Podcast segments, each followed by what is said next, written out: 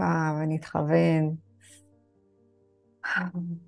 מי שברך אבותינו, אברהם, יצחק ויעקב, הוא יברך את חיילי צבא ההגנה לישראל ואנשי כוחות הביטחון.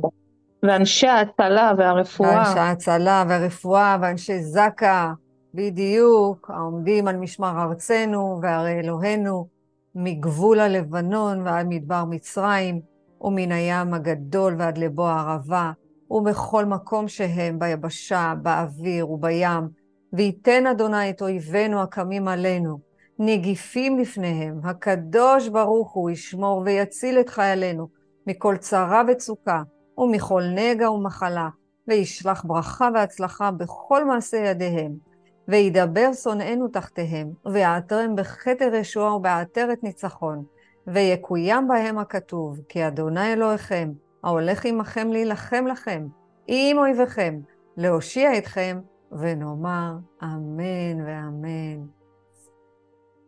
אז היום הבאתי את uh, פרשת השבוע, פרשת תולדות, פרשת תולדות uh, יצחק. והוא מלמד אותנו כאן, אני אוהבת מאוד להשתמש בפרשה, כי הפרשה בעצם מלמדת אותנו איך להתנהג. איך להתנהג כל השבוע. מה בעצם עברו על האבות אבותינו, על האימהות שלנו, בנפש שלהם. כי הפרשת השבוע זה כלי עבודה. ואנחנו צריכים לדעת איזה תולדות אנחנו מולידים. אז אנחנו, מה אנחנו עושות? כל מפגש ממפגש, אנחנו בעצם לומדות איך ליצור כלי גדול יותר ויותר. איך להתפתח תודעתית, איך לחזק את הרובד הרוחני, איך בעיקר לחזק את האמונה, שזה הבסיס. זה הבסיס להכל, שאנחנו מאמינות ומאמינים שהטוב הוא מיטיב ואין עוד מלבדו. אם זה מה שמוביל אותנו, שהטוב הוא מיטיב ואין עוד מלבדו, זה אין עוד מלבדו, זה אני לא מפחדת עכשיו משום דבר. אני לא יודעת מה הולך להיות אחרי המלחמה, אני לא יודעת מה היה לפני המלחמה, אני יודעת עכשיו מה אני צריכה לעשות אחרת. אז חשוב ללמוד את פרשת השבוע, מכיוון שהיא נותנת לנו כלים לנפש, כי זה קודים, זה ממש קודים של איזה כוחות בנפש יש לנו. אמרנו שיש בתוכנו גם את אברהם אבינו, גם את שרה אימנו, גם את יצחק, גם את עשיו, גם את יעקב. יש בנו את כל כוחות הנפש. אנחנו רק צריכים לדעת איך להוציא את זה. אנחנו צריכים לדעת שאנחנו בתודעת הנפש. ואלה תולדות יצחק בן אברהם. אנחנו לומדים בעצם על ההתפתחות שלו, כי אברהם הוליד את יצחק, מה הוא עשה? הוא עשה תנועה חדשה בשביל לתת חסד. הוא בעצם, אברהם אבינו היה איש החסד, זה הקו ימין. ויצחק היה הגבורה, שזה השמאל. ואנחנו צריכים להיות יעקב, קו האמצע, וזה הכי, הכי חשוב. דיברנו כל הזמן על איזון. איך אנחנו מאיזון, איך אנחנו לוקחות את החסד, את הנתינה האינסופית, ואיך אנחנו לוקחות את הגבורה, של להתגבר, ואיך אנחנו בעצם שמים גבול. וככל שאנחנו לומדים את התורה, את ההדרכה שקיבלנו, מה אנחנו עושים? אנחנו מחזקים באיך לקחת את ה... לקבל ועל מנת לתת. וזה צריך להיות רק בקדושה. זוכרות את המחשבה, איפה היא צריכה להיות, האם אני הולכת לקדושה או אני הולכת לטומאה.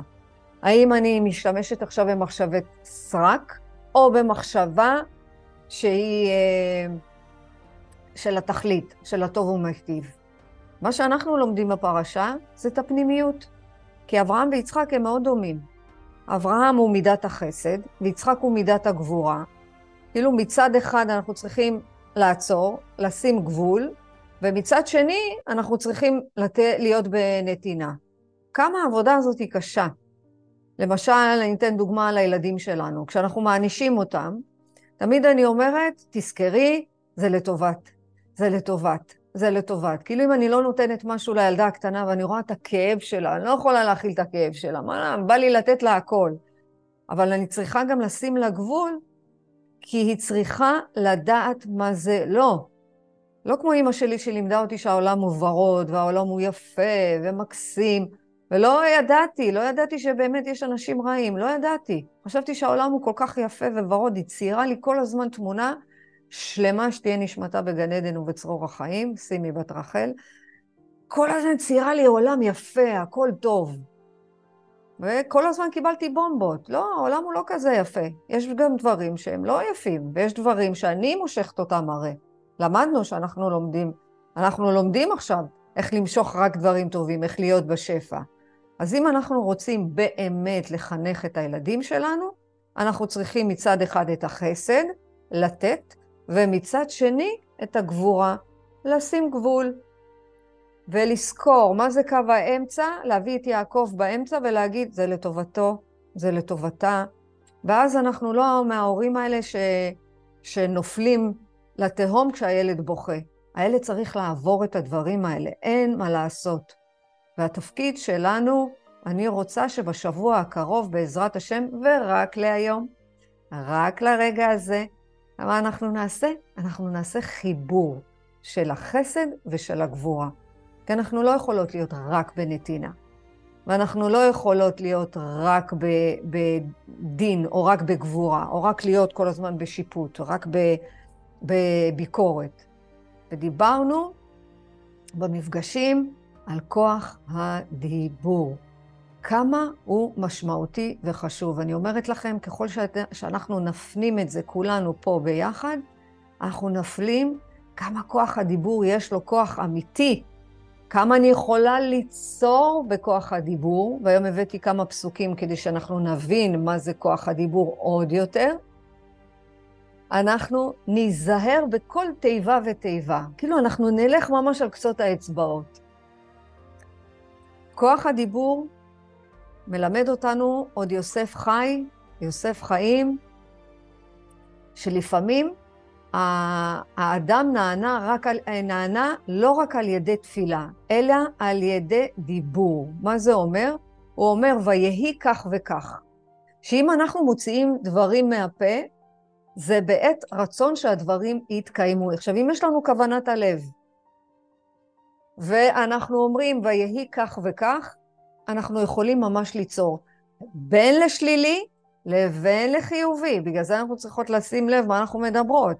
אם אנחנו מדברות בטוב על עצמנו, והיא כך וכך, הגוף הוא טוב, הגוף הוא בריא, הגוף יודע מתי לשים גבול לעצמו, הגוף מאותת לנו מתי הוא שבע, ויהי כך וכך, זה יהי כך וכך. היום אנחנו נלמד איזה פסוק הולך להוביל אותנו, בעזרת השם, בחסד אלוהים אוהב, להוביל אותנו בדרך חדשה. כי אנחנו רוצים שהדברים יתקיימו. ויש את הפסוק שאומר, ויהי רצון מלפניך, אדוני אלוהינו ואלוהי אבותינו, שתתן כך וכך וכך. והוא מביא את הדוגמה הזאת מפרשת השבוע, שבורא העולם אמר שאברהם אבינו התפלל ואמר על שרה, ויהי רצון מפניך, אדוני אלוהינו ואלוה אבותינו, שתיתן הריון לזאת האישה. וכעת חיה תהיה חובקת בן. אני אומרת חיה, כי בגלגול הקודם שלה היא הייתה חיה. לפני שרה קראו לה חיה, ואחר כך בורא עולם הפך את שמה לשרה. קודם כל היה שרי, אחר כך הוא הוסיף לה את השם לשרה. תראו כמה משמעות יש לשם שלנו. כל מה שאנחנו לומדות פה, אנחנו מביאות את זה ואנחנו מנתבות את זה לממש מסע. אני רוצה שתסתכלו על המסע הזה שאתם עוברות. כל יום עוד יותר ועוד יותר משהו בתוככם מתחבר. אולי מתחבר יותר לשם, אולי יותר מתחבר לדיבורים, אולי יותר מתחבר למחשבות. ככל שאנחנו נפנים שבמחשבה ובדיבור ומעשה, אנחנו בעצם יוצרות משהו חדש. זאת אומרת שהשם שלה היה חיה, חיה, אחר כך השם שלה היה שרי, ועכשיו השם שלה שרה. ואנחנו לומדים להתחבר לשרה אימנו, לכוח שלה. כי מה הוא הוסיף לה? את ההי. מה זה ההי? השם. ורק בתפילה, בתפילה של אברהם אבינו, הוא הבין שהוא יכול להוליד משהו חדש, כי גם בדיבור וגם בתפילה אנחנו יכולות להוליד משהו חדש. אז מהיום, אם אתן רוצות להוליד משהו חדש, אתן קודם כל אומרות, יהי רצון מלפניך, אדוני אלוהינו ואלוהי אבותינו, שתיתן בריאות, שתיתן זוגיות, שתיתן אחדות, שתיתן רפואה שלמה לחיילים, שתיתן לחטופ, לחטופים מזור, שתיתן להם להדליק איתנו את הנר הראשון של חנוכה. זה סוד, זה סוד מאוד מאוד מאוד גדול. יכולה להגיד משהו על שרה? בשמחה רבה. אמ, כל הזמן כאילו, זה חידוש, מבחינתי זה חידוש. אה, אנחנו אומרים, כשאנחנו לא יודעים, אה, כשאנחנו רוצים להגיד לעילוי נשמע, אנחנו לא יודעים את שם האימא שלו, אנחנו אומרים, אה, אני אגיד שם אימא שלי, אסתר בת, ואז היינו אומרים חווה. נכון. עכשיו, חווה היא אם כל חי, החידוש הוא שצריך להגיד אסתר בת שרה. כי שרה היא האימא של, היו, של היהדות. וחווה היא גם האימא של כל הזה, כי ממנה איפשהו בשורש יצא כל הישמעאלים והפלישתים וה... נכון, נכון מאוד. עשו. אז עשו, כן, אז, אז אה, החידוש הוא זה מבחינתי. אוקיי, יפה. קודם כל, תודה, אני לא ידעתי. אנחנו, אני כל הזמן אומרת בת חווה או בן חווה אם אני לא יודע, לא יודעת. אז עכשיו נגיד, שרה, את רואה? הנה, איזה כיף, קיבלנו עוד חידוש חדש. את רואה, זה, אתם רואים מה יפה בתורה? זה החדשות הטובות, לא החדשות שמשדרים לנו בטלוויזיה. אלה החדשות האמיתיות, כי זאת התורה, אנחנו כל הזמן מתחדשים בה. היא לא נכתבה לפני אלפיים שנה, או הפרשות השבוע לפני ארבעת אלפים שנה. היא כל יום, כל שבוע אנחנו כותבים אותה מחדש. וזאת התורה. הנה החידוש הזה. גם החידוש הזה של הפסוק, אני לא ידעתי שאני צריכה להגיד את זה. יהי רצון מפניך, אדוני אלוהינו ולא אבותינו, שתיתן. אומרת, אני כבר מחברת את מה? את עצמי לשפע. תכף אנחנו נראה למה. אלוהים ברוב חסדך, ענני באמת ישועך. אז מה, מקב... מה המקובלים מלמדים את התפילה? מלמדים אותנו שהתפילה היא צינור שפע. היא כלי הקיבול. מה זה הכלי הקיבול? שכל אדם יקבל את השפע מהשם יתברך. זה הצינור והכלי שאנחנו מדברים עליו. זה לא השפע שאנחנו רודפים אחרי הכסף. זה לא השפע שאנחנו רודפים אחרי הקריירה. כאילו זה, מה זה יהיה בזבוז זמן, עכשיו שאנחנו יודעים את זה, להמשיך לרדוף אחרי דברים חיצוניים. זה יהיה כאילו לא נורמלי. זה, זה האי שפיות שאנחנו לומדים ב-12 הצעדים. לעשות את אותם דברים ולחשוב שנקבל תוצאות אחרות. זה אי שפיות. אבל הנה, פה אנחנו לומדים שאפשר לעשות את הדברים אחרת, בלי לרדוף, בלי מאבק, בלי מלחמה. במה?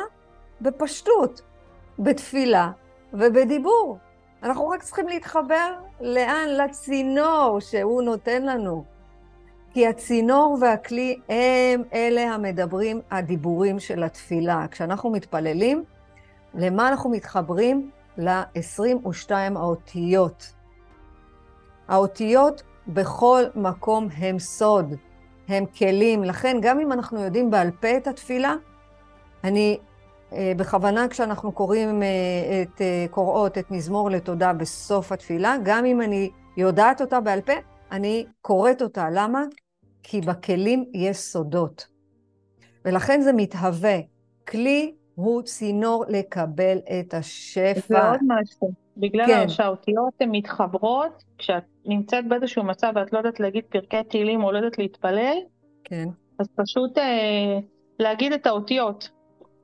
ואז להגיד את האותיות בכוונה, כאילו של תפילה, א', ב', ג', ד', ואז זה מתחבר. וואי. שום תפילה לא הולכת ריקם.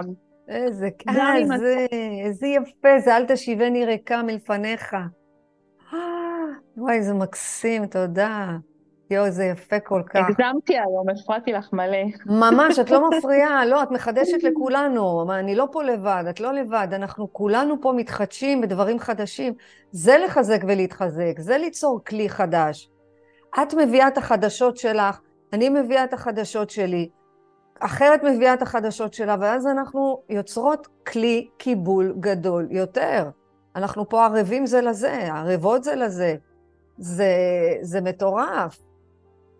זה כל כך יפה, באמת, אני נפעמת מזה, אני מתרגשת מהדברים האלה, באמת אני מתרגשת, כי אני אומרת, איזה כיף שברוך השם, שכל יום מחדש, מחדש ברובו בראשית, זה כל יום אנחנו מתחדשים בדברים האלה.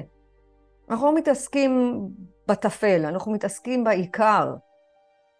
אז עכשיו, גם אם אנחנו נמצאים עכשיו בשום מקום, ואין לנו סידור, ואין לנו את התיקון הכללי, ואין לנו פלאפון, זה קורה, יכול להיות, לפעמים שכחנו, ויש איזה רגע אחד, אז אנחנו אומרים את כל האותיות, ואז זה מתחבר, זה הסוד.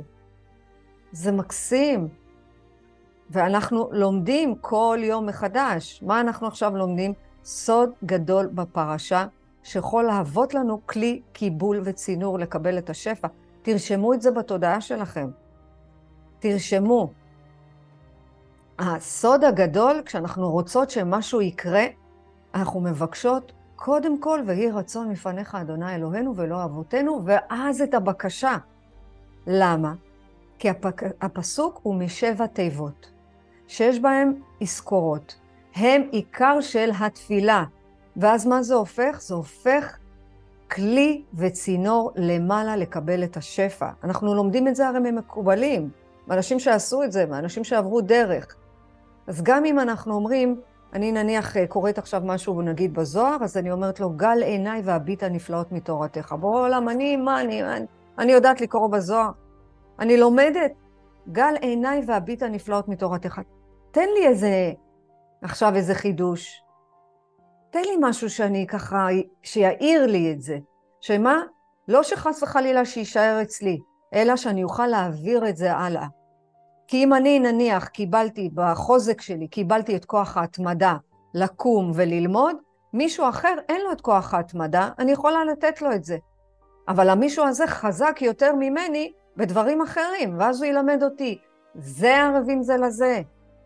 שימו לב, כי אם יש לנו משהו שהוא הפלוס, בואו ניקח את החשמל, כי תורת הקבלה הרבה מלמדת לפי החשמל, בואו ניקח את הזוגיות שלנו. אם הבעל שלנו הוא פלוס במשהו אחד, נניח בפיננסי, בכסף, ואנחנו מינוס בזה, אז הוא מלמד אותנו את זה. אז לא להגיד למה הוא מלמד אותנו את זה, מה, הוא יודע יותר טוב מאיתנו, ולהיפגע ולהיעלב. לא. כי הוא אצלו יותר חזק, כי בגלגולים הקודמים הוא עבד על זה. אז לא להיפגע מהבעל, לא להיבהל ממנו, או מהבן זוג, או מהחבר, או מהבת זוג. לא צריך.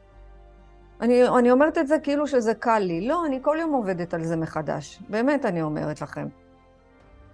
אז העיקר של התפילה זה להפוך את זה לכלי וצינור, לקבל את השפע מהשם יתברך, ממה שאנחנו מבקשות. אבל לזכור שהוא יודע יותר טוב מה התוכנית, הוא יודע יותר טוב מה לנו. אנחנו רק יכולות לבקש, וככל שאנחנו נבקש, מה יש? תולדה חדשה. זה יצחק. כי התולדה החדשה באה בעתיד בעזרת השם. כי מה זה יצחק? אנחנו נצחק בעתיד.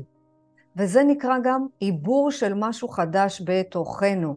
עצם הכוונה, עצם התפילה, עצם הדיבור, אנחנו יוצרים משהו חדש בעולם הזה. מטורף. כמה זה פשוט.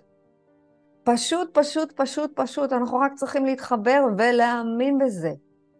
ויש כלל רוחני חשוב מאוד מאוד שנדע, שכל דבר שבקדושה, בהוויה, אין לו ביטול.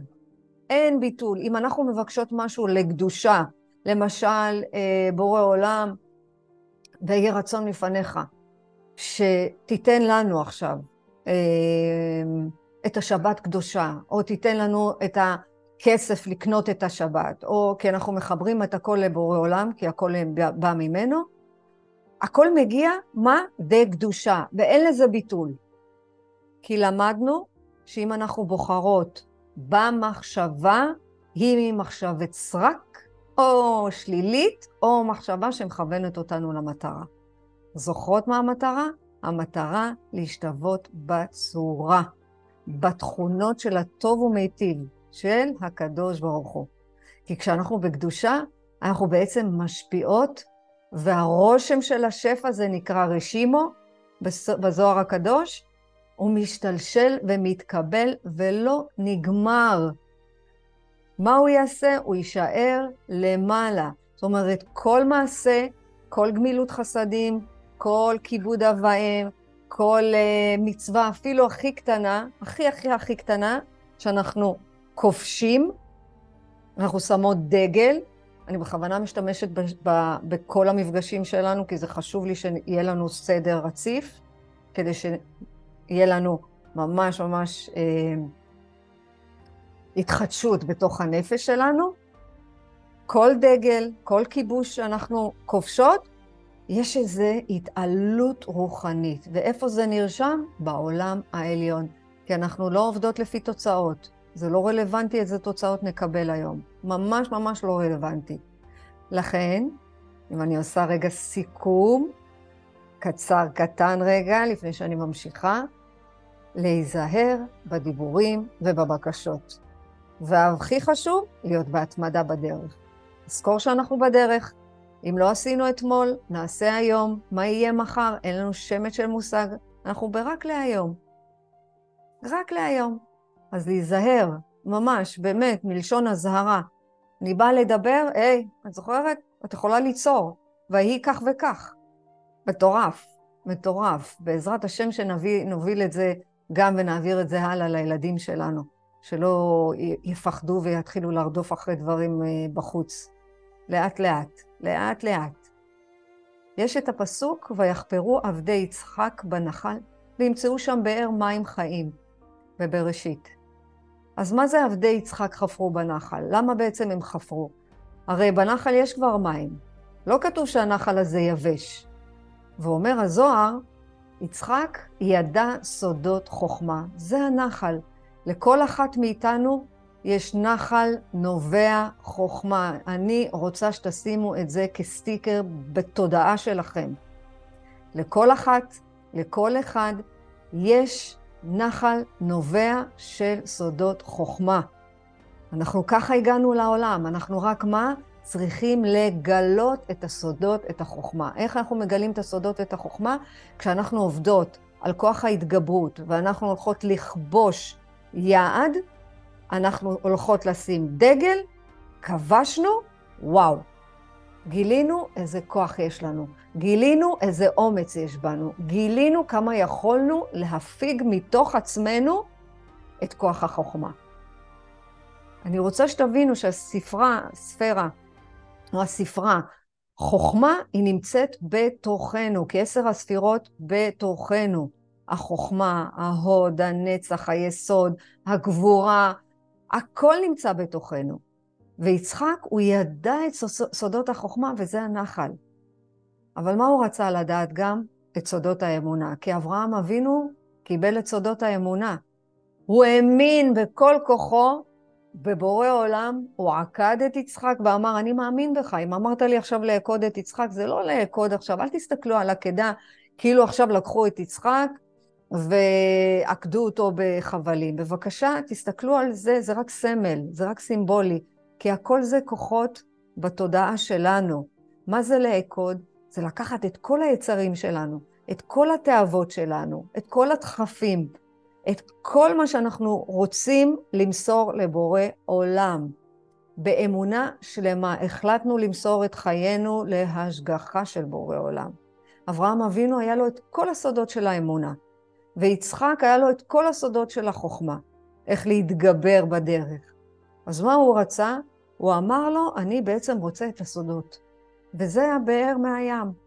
זה המים החיים שנמצאים בתוך הנחל, הנחל בתוך התורה. כי אנחנו צריכים גם להיזהר עם המים.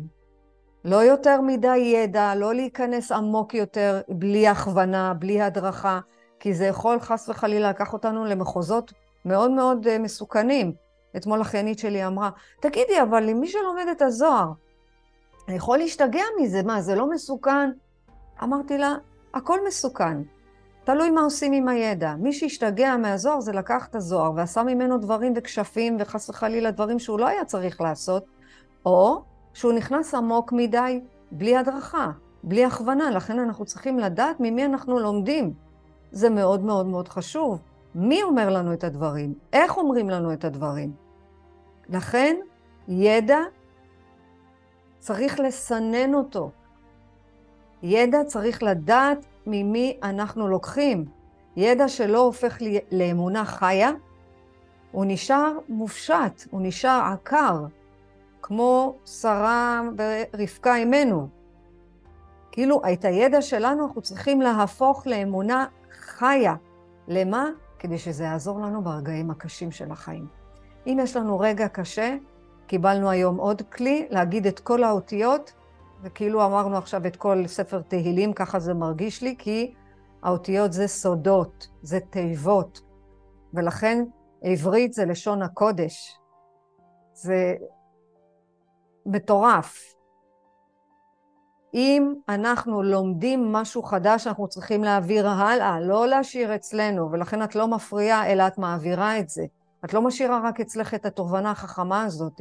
היום למדנו עוד משהו, עוד כלי רוחני שאנחנו יכולים להשתמש בו, ולכן אנחנו צריכים איזון.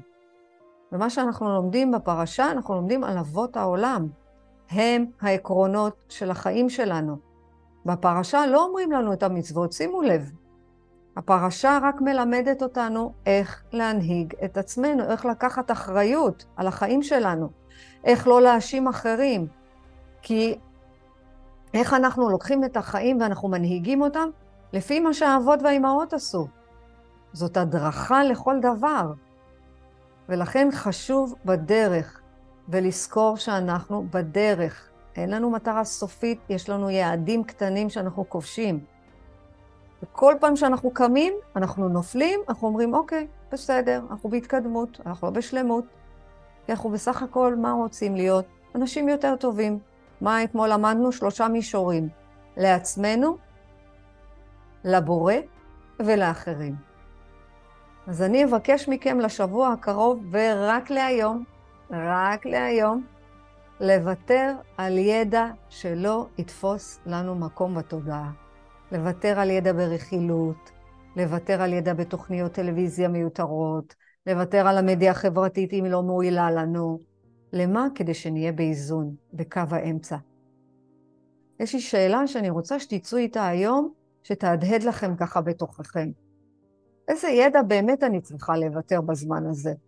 אתמול פגשתי חברה אה, ששאלה אותי שאלה, היא אמרה לי, תגידי, למה את לא מצטרפת לקבוצה של המורה הזאת והזאת? אני רוצה להזכיר שחס וחלילה לא יהיה לשון הרע או משהו.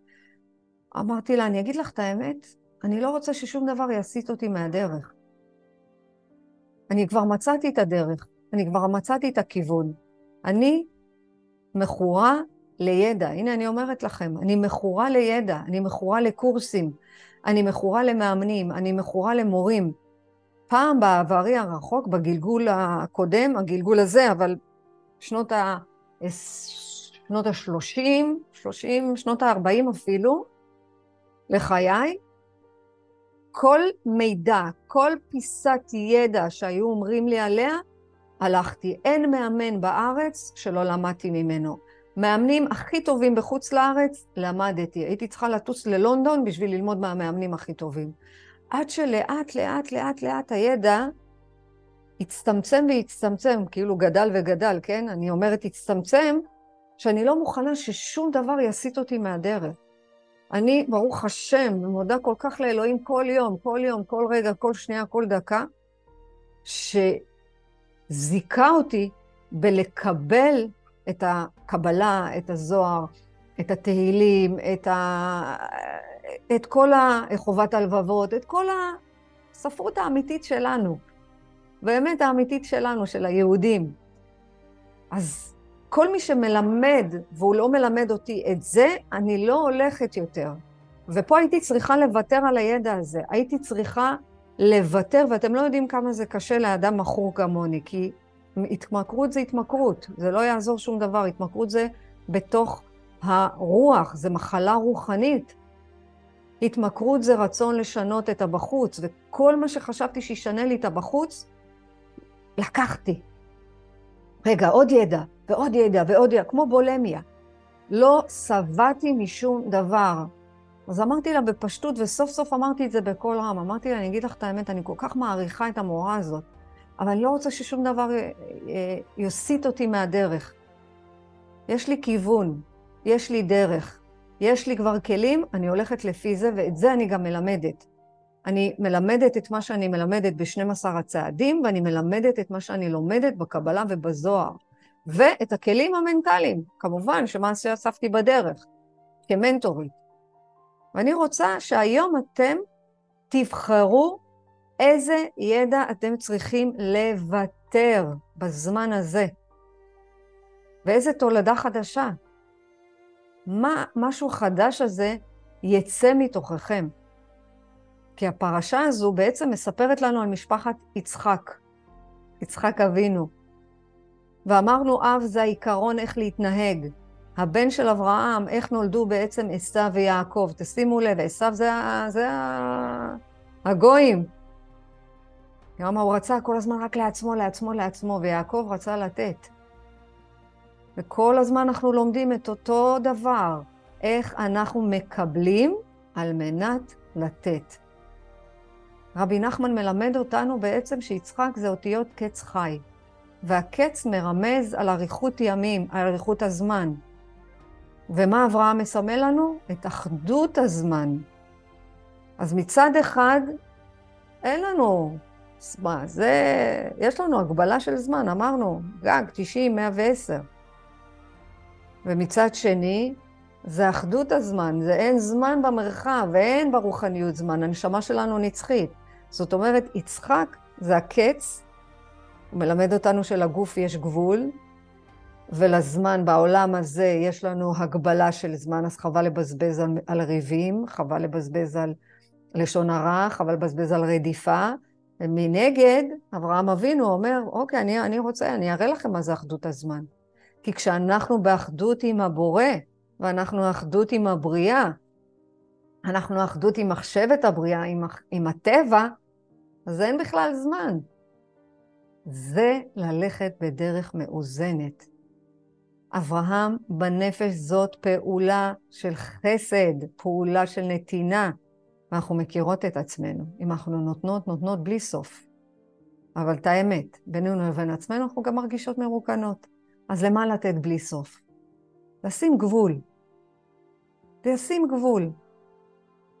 המצווה הכי גדולה, הכי גדולה, הכי גדולה שאנחנו יכולות לעשות היום, היום היום, בזמן הזה, בזמן המלחמה, זה לעודד ולחזק את האנשים שזקוקים למילה וחיבוק, גם אם אין לנו כוח, גם אם אין לנו סבלנות.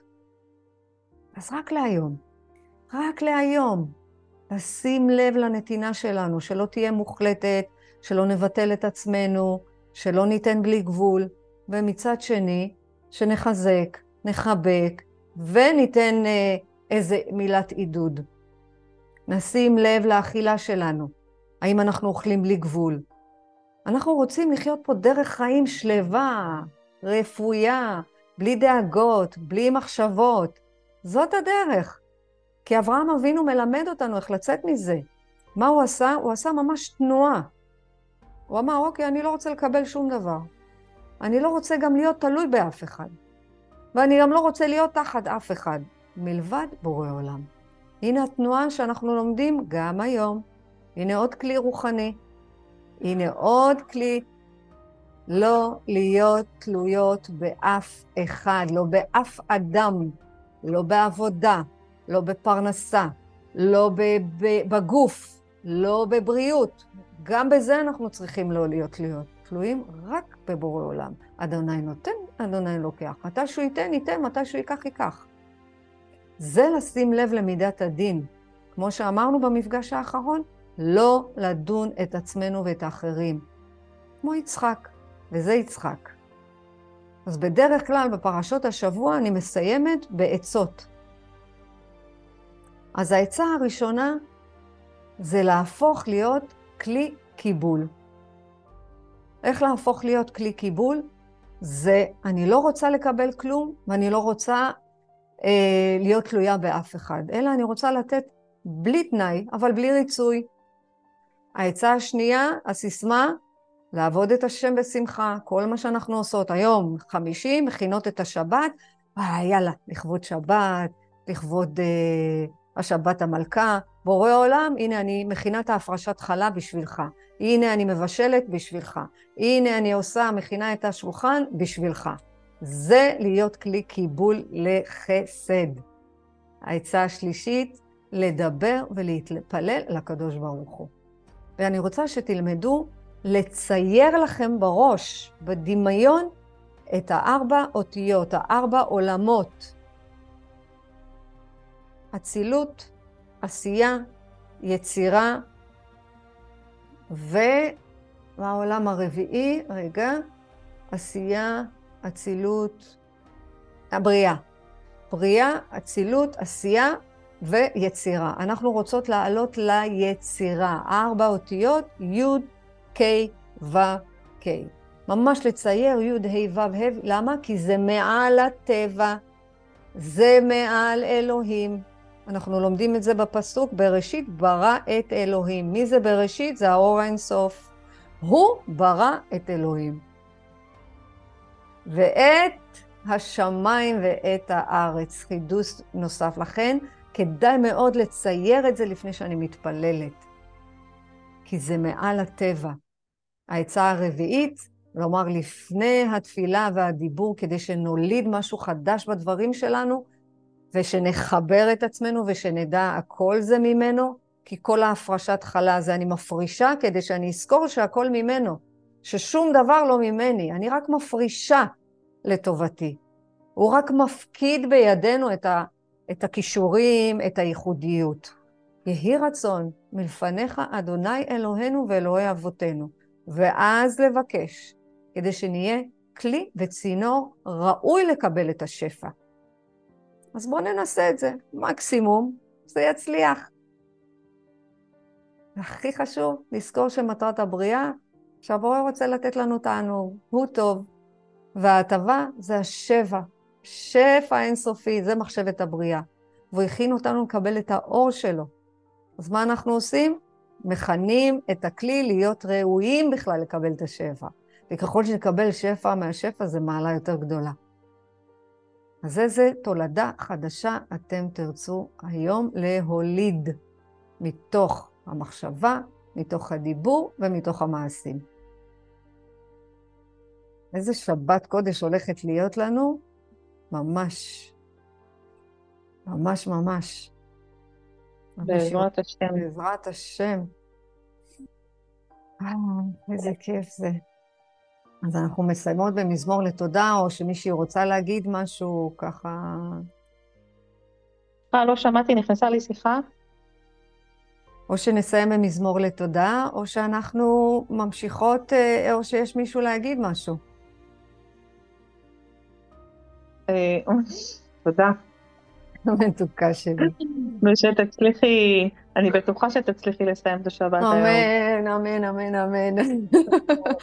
היום, אני מרגישה שהוא מעמיד אותי היום, אני אומרת לך, כי אני התחננתי הרי אליו, אמרתי לו, אני הולכת לקרוע את השמיים בשביל להכין את השבת הזאת. אז נראה, הוא נתן לי, תראו איך זה עובד. אנחנו מדברות, מבקשות, והוא גם מביא ניסיון עם זה. בואו נראה אותך עכשיו. למרות, אני רוצה לראות איזה קריאת ים סוף תהיה לך היום. זה לא פשוט. בסדר, בעזרת השם, הוא ייתן לנו את הכוח. הוא ייתן לנו את הכוח. אז נגיד מזמור לתודה. מזמור לתודה. הביאו לאדוני כל הארץ, עבדו את אדוני בשמחה, בואו לפניו ברננה, דו כי אדוני. אלוהים. אלוהים הוא עשנו, ולא אנחנו עמו וצאן מרעיתו. בואו שעריו בתודה, אותה בתהילה, הודו לו ברכו שמו, כי טוב אדוני לעולם חסדו, והדור ודור אמונתו. אמן ואמן, שתהיה לנו שבת שקטה, שבת טובה, שבת מבורכת. שבת מבורכת. והיום ורק להיום להוליד בדיבור. דברים טובים, אמן ואמן. אמן. בעזרת השם, ביום ראשון, כרגיל. תודה רבה, שבת שלום. בבקשה, שבת שלום.